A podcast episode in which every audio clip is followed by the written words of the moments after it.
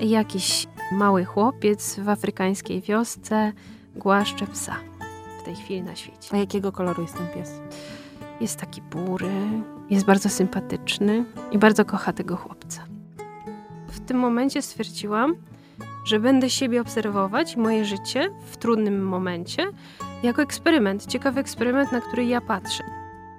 Poznanie siebie, spojrzenie w głąb siebie i stwierdzenie, że składam się ze światła i z cienia, z tego co dobre i z tego co złe, nie jestem idealna. Pamięć jest kreacją, czyli to, w jaki sposób my pamiętamy przeszłość, jest po części tym, kim my jesteśmy, jacy my jesteśmy, jaką mamy wrażliwość. Postać, która przypomina Franca Kawkę, ale to jest również ta postać, która przypomina mnie.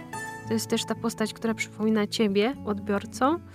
I to jest też ta postać, która się odwraca i właściwie nikogo nie przypomina. Gdzieś tam w tle pojawia się, odsłania firankę w oknie, podąża swoją drogą.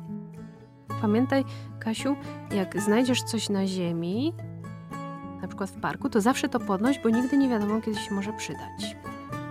Są mężczyźni, którzy są tak wrażliwi, delikatni i mężczyźni mogą płakać i mężczyźni mogą być ojcami najczulszymi.